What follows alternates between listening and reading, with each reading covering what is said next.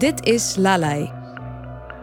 De podcast waarin wij, Leonore Spee, Anke Verschuren en Sascha Bornkamp op zoek gaan naar het geheim van slaapliederen. Slaapliedjes zijn van overal en van alle tijden. Zolang er mensen waren, hebben zij hun kinderen gesust en in slaap gewiegd. Wat betekenen slaapliederen voor ons? En wat vertellen ze over ons? Over onze menselijkheid? Over ons ouderschap? Dit is aflevering 3, Moot van Houwaard. Mama en papa en God beschermen u. Dat is het laatste wat mijn mama elke avond tegen mij, Anke, zei, vlak voor ik mijn oogjes dicht deed en wegzakte in een, voor zover ik mij kan herinneren, vaak heel diepe, rustige slaap. Ik kan haar duim, die de woorden ondersteunde door een klein kruisteken te maken, nog op mijn voorhoofd voelen. Wanneer ik er vandaag, nu ik bijna 28 ben, aan terugdenk, vind ik het vooral heel grappig dat we zo'n christelijk slaapritueel hadden. Die vierkante centimeter op mijn voorhoofd is letterlijk de enige plek die God heeft ingenomen in mijn opvoeding. We noemden het ook echt een kruisje geven. Anderzijds krijg ik er ook een heel warm en zacht gevoel van, alsof er meteen een gezellig dik donsdeken over me heen wordt gelegd. Vredig. Ik denk dat dat het juiste woord is. Wat ik me dan weer absoluut niet herinner, is dat mijn ouders ooit echt slaapliedjes voor me zouden hebben gezongen. Er is dan ook maar één slaapliedje dat ik ken.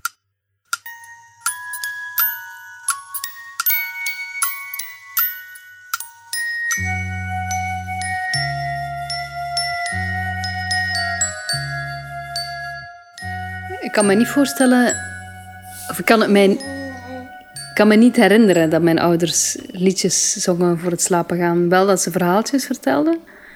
Ehm, maar ik merk wel dat Slaap, Kindje, Slaap uh, toch een liedje is dat ik heb meegekregen vanuit mijn kindertijd. En dat ik dat ook nog altijd zing, maar dan vooral om haar te sussen. Of zeker toen ze kleiner was. Ehm, of nu met de nieuwe baby in huis. Dat ik dat dan wel eens zing als sussend. Of, of om, het, om het kindje te sussen. Dit is Moot. Moot heeft samen met haar vriendin twee kindjes. Peres, een vrolijk en eigenzinnig roodharig dametje met glasheldere blauwe ogen. In mei wordt ze drie. En de nieuwe baby in huis. Dat is Faro, geboren in de langste nacht van 2021 en dus nog maar amper een paar maanden oud. Hij laat zich tijdens ons gesprek ook graag af en toe horen.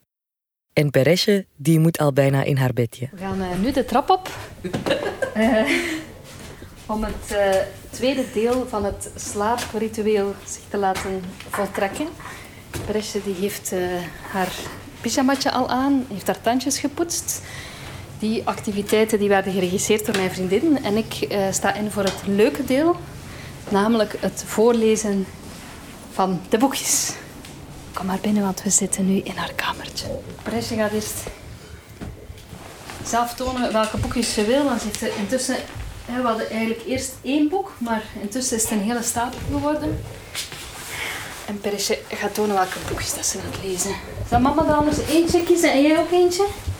Ik van Niet seizoenen. in bad. Van Niet en Bad? Ah ja, die vind je leuk, hè? Eh, heb je die gezien al? Nee, Hadden die gisteren ook, hè? die ook. Wacht. Wij hebben wel vanaf het begin geprobeerd om, om daar een ritueel aan vast te koppelen. Maar dat ritueel zelf is ook al een aantal keren veranderd. Ik herinner mij, ze heeft op haar kamertje een eh, grote wereldkaart staan met allemaal diertjes op. We hebben een hele periode gehad waarin ik gewoon alle diertjes van de wereldkaart moest benoemen. Daar werd ze rustig van als ik, als ik al die diertjes afging. Ah ja, en ik moest ze ook allemaal een kusje geven. En dan voilà, zijn, die, zijn, zijn die boekjes er gekomen. Heel vaak kiest ze ook dezelfde boeken. Dat vind ik ook iets geks. Dat kindjes eigenlijk het liefst elke keer hetzelfde horen. Uh, dus je zou denken van, ah, ik, ik, wil elke keer opnieuw geprikkeld worden of een nieuw verhaal krijgen. Maar nee, zij zit nu in een leeftijdsfase dat ze het liefst elke keer hetzelfde hoort. Ook al weet ze eh, al uh, hoe die verhaaltjes aflopen, dat maakt niet uit. Integendeel, volgens mij geeft dat een kind ook rust. En ik denk op dezelfde manier werken liedjes ook, want je weet ook al op voorhand hoe het liedje klinkt. En het is net die herkenbaarheid die rust geeft. Dus je moet eigenlijk niet afkomen met, met een, een spannend nieuw verhaal. En misschien op latere leeftijd wel, hè, maar, maar nu helpt het haar om ja, iets te horen dat ze al kent, waarvan ze al weet hoe het afloopt. En dat ze gewoon nog eens kan meemaken. Wat denk ik ook belangrijk is om, om heel even het gevoel te hebben: ah, mama is nu hier en nu bij mij.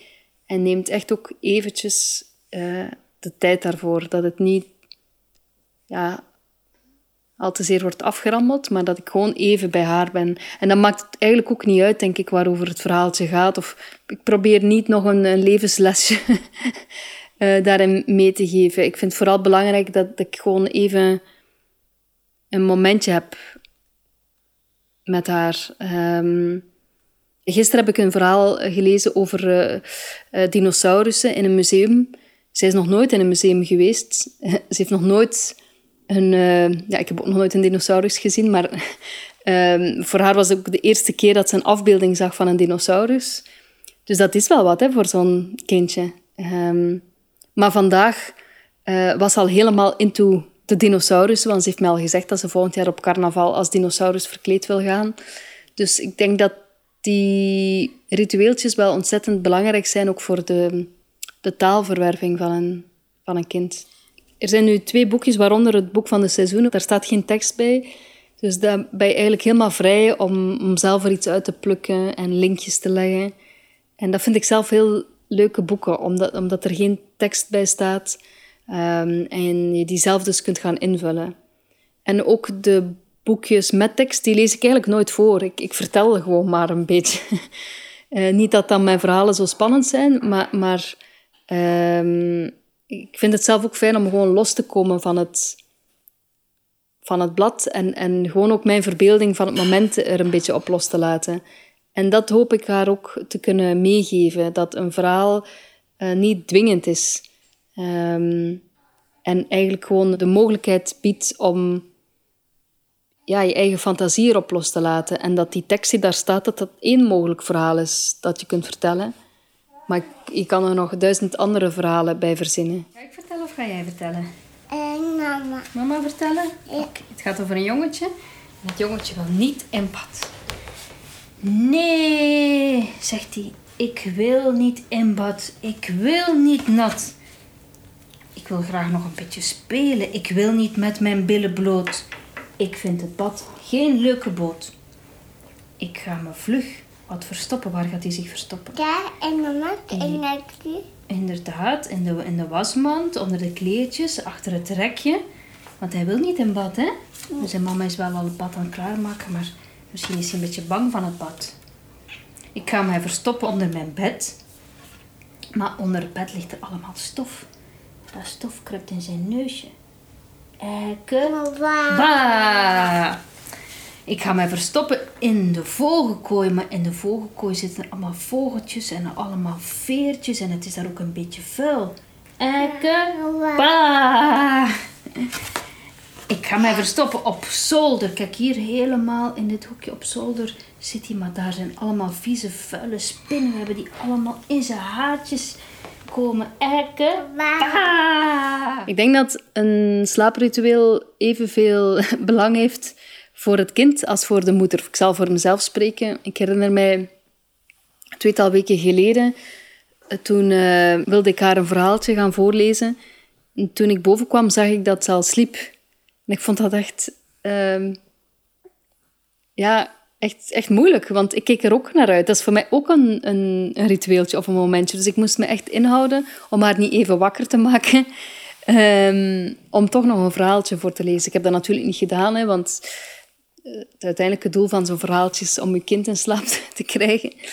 Maar ik, ik besefte toen, toen ik terug ehm, nou ja, dan maar naar beneden ging, hè, eh, om verrichterzaken, dat ik zelf ehm, ook een beetje ontregeld was. En ik dacht, ja, huh? ik heb mijn verhaaltje nu niet kunnen voorlezen. Het zijn een paar minuten waar ik echt aan gehecht ben en wat er ook gebeurt op een dag. Ook als, we, als ze heel lastig is geweest of als ik heel lastig ben geweest en, en we hebben ruzie gemaakt, dan nog vind ik het belangrijk dat we de dag in rust kunnen afsluiten. Terwijl Moot vertelt, begint er iets te kriebelen in mijn buik. Er heeft zich zachtjes aan, bijna zonder dat ik het heb gemerkt, een soort spanning opgebouwd die tegelijkertijd avontuurlijk en onbehagelijk aanvoelt. Plots zie ik mezelf zitten, naast een kinderbedje, met een boekje opengeslagen in mijn schoot, verhaaltjes vertellend en verzinnend voor een klein wezentje waarin ik nu al een paar van mijn eigen kleine trekjes herken, of die van mijn vriendin. Maar tenzij de wetenschap de komende jaren tijgersprongen maakt, wellicht nooit die van ons allebei. Uh, het moment waarop we beslisten om er werk van te maken en het moment dat die eerste geboorte eh, er kwam, zat denk ik zeven jaar tussen. Bij veel mensen is de vraag wanneer, maar bij ons was het dan hoe. Oké, willen we een gekende donor of een onbekende donor? We willen een gekende donor, maar wie dan?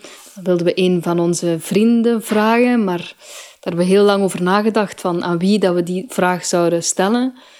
En dan hebben we ook er opnieuw lang over nagedacht om daar de juiste woorden voor te vinden en het juiste moment voor te zoeken.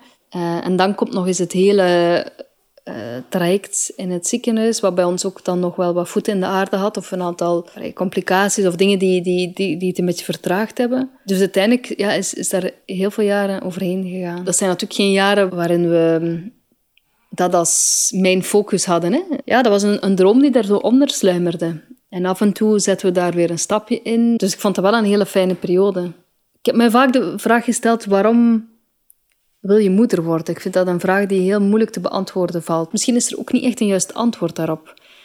Um, is het omdat ik per se iets wil achterlaten in deze wereld als ik er zelf niet meer ben? Nee. Is het omdat ik mijn genetica zo graag wil vertaald zien in een ander wezen? Nee. Um, is het omdat ik zo graag wil zorgen voor een kwetsbaar wezentje?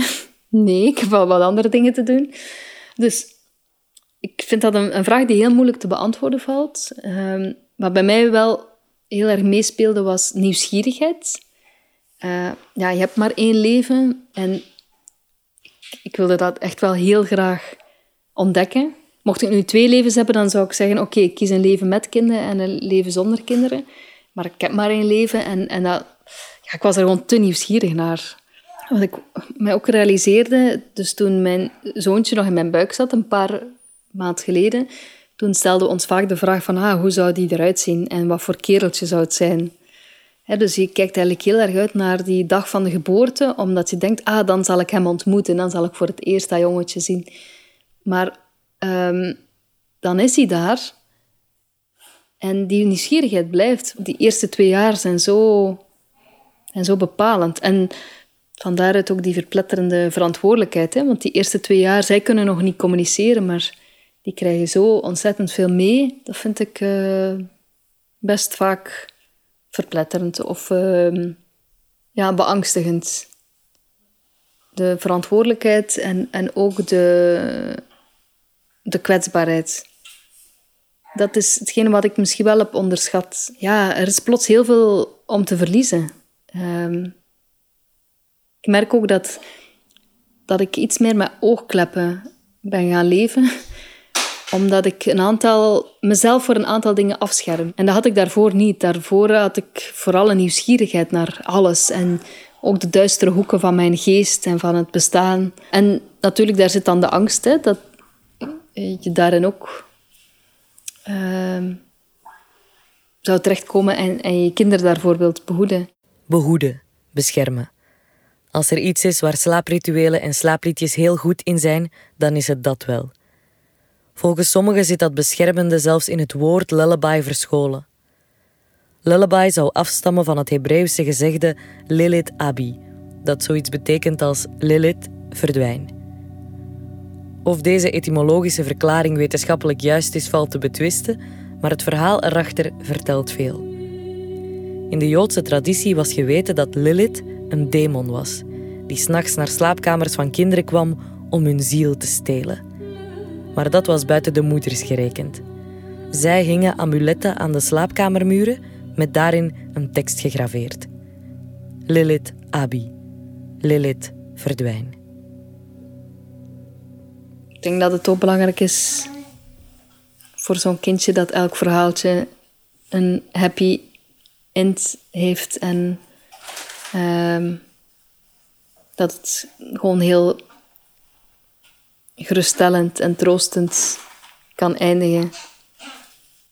En op dat moment verandert dat. Hè. Ik denk dat ehm, op dat moment ga je dat soort boeken ook appreciëren. Boeken die de grond onder je voeten weghalen. Maar dat is niet wat je voor het slapen gaan eh, bij het voorlezen van een verhaaltje voor je kind. Hè. Dan wil je die net grond geven en geruststellen en sussen en zeggen alles komt goed of alles is al goed. Oké, mijn liefje. Je konijntjes aan. Goed. Ik zal de deur open laten en het lichtje uitdoen. Hè? Ja, en in de gang het lichtje aan. Mama ziet jou heel graag. Temtem baby ook, ja. Dag liefje. Slaap wel, Teresje. Slaap zacht, liefje.